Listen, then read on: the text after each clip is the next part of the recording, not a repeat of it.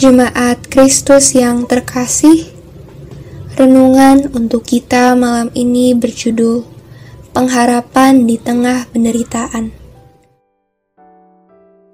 Dan bacaan kita diambil dari kitab Roma 8 ayat 22 sampai 25. Beginilah firman Tuhan.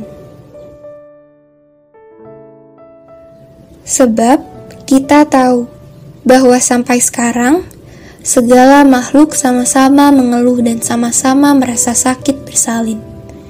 Dan bukan hanya mereka saja, tetapi kita yang telah menerima karunia sulung roh, kita juga mengeluh dalam hati sambil menantikan pengangkatan sebagai anak yaitu pembebasan tubuh kita.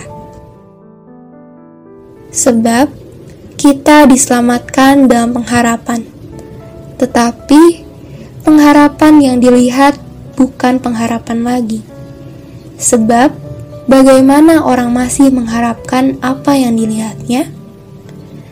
Tetapi jika kita mengharapkan apa yang tidak kita lihat, kita menantikannya dengan tekun.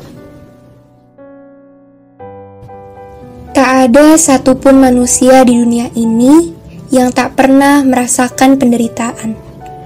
Orang dengan kekayaan ataupun kekuasaan sebesar apa pun pasti pernah mengalami fase-fase yang berat di dalam hidupnya.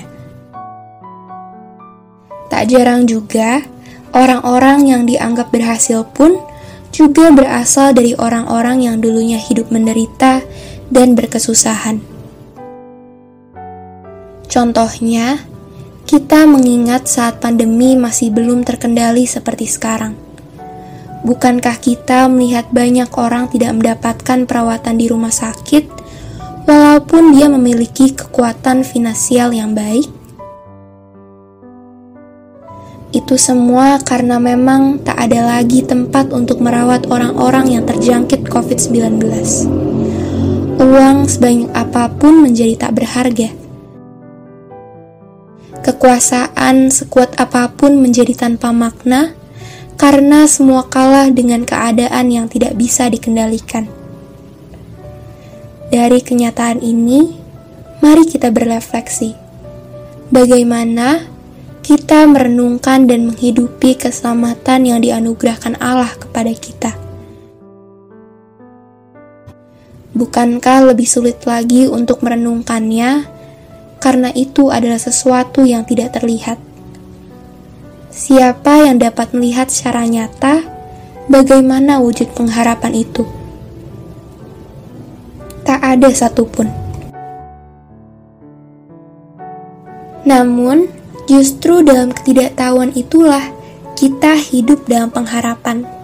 Dalam ketidakpastian hidup ini, kita justru mendapatkan kepastian dan jaminan keselamatan serta penyertaan dari Tuhan. Untuk menemukan dan menghidupinya, kita butuh sikap taat dan berserah sepenuhnya. Dan yang perlu diingat bahwa proses ini adalah proses sepanjang hidup kita. Kita harus siap dengan dinamika yang akan terjadi, baik dalam situasi sukacita ataupun dalam setiap pergumulan yang akan datang silih berganti. Hidup dalam pengharapan memang tidak mudah, karena terasa tidak ada kepastian. Namun, dalam Tuhan, pengharapan kita tidak akan pernah sia-sia. Demikianlah renungan malam ini. Semoga damai sejahtera dari Tuhan Yesus Kristus tetap memenuhi hati dan pikiran kita. Amin. Jemaat yang terkasih, mari kita bersatu hati menaikkan pokok-pokok doa yang ada dalam gerakan doa 21 GKI Sarwa Indah.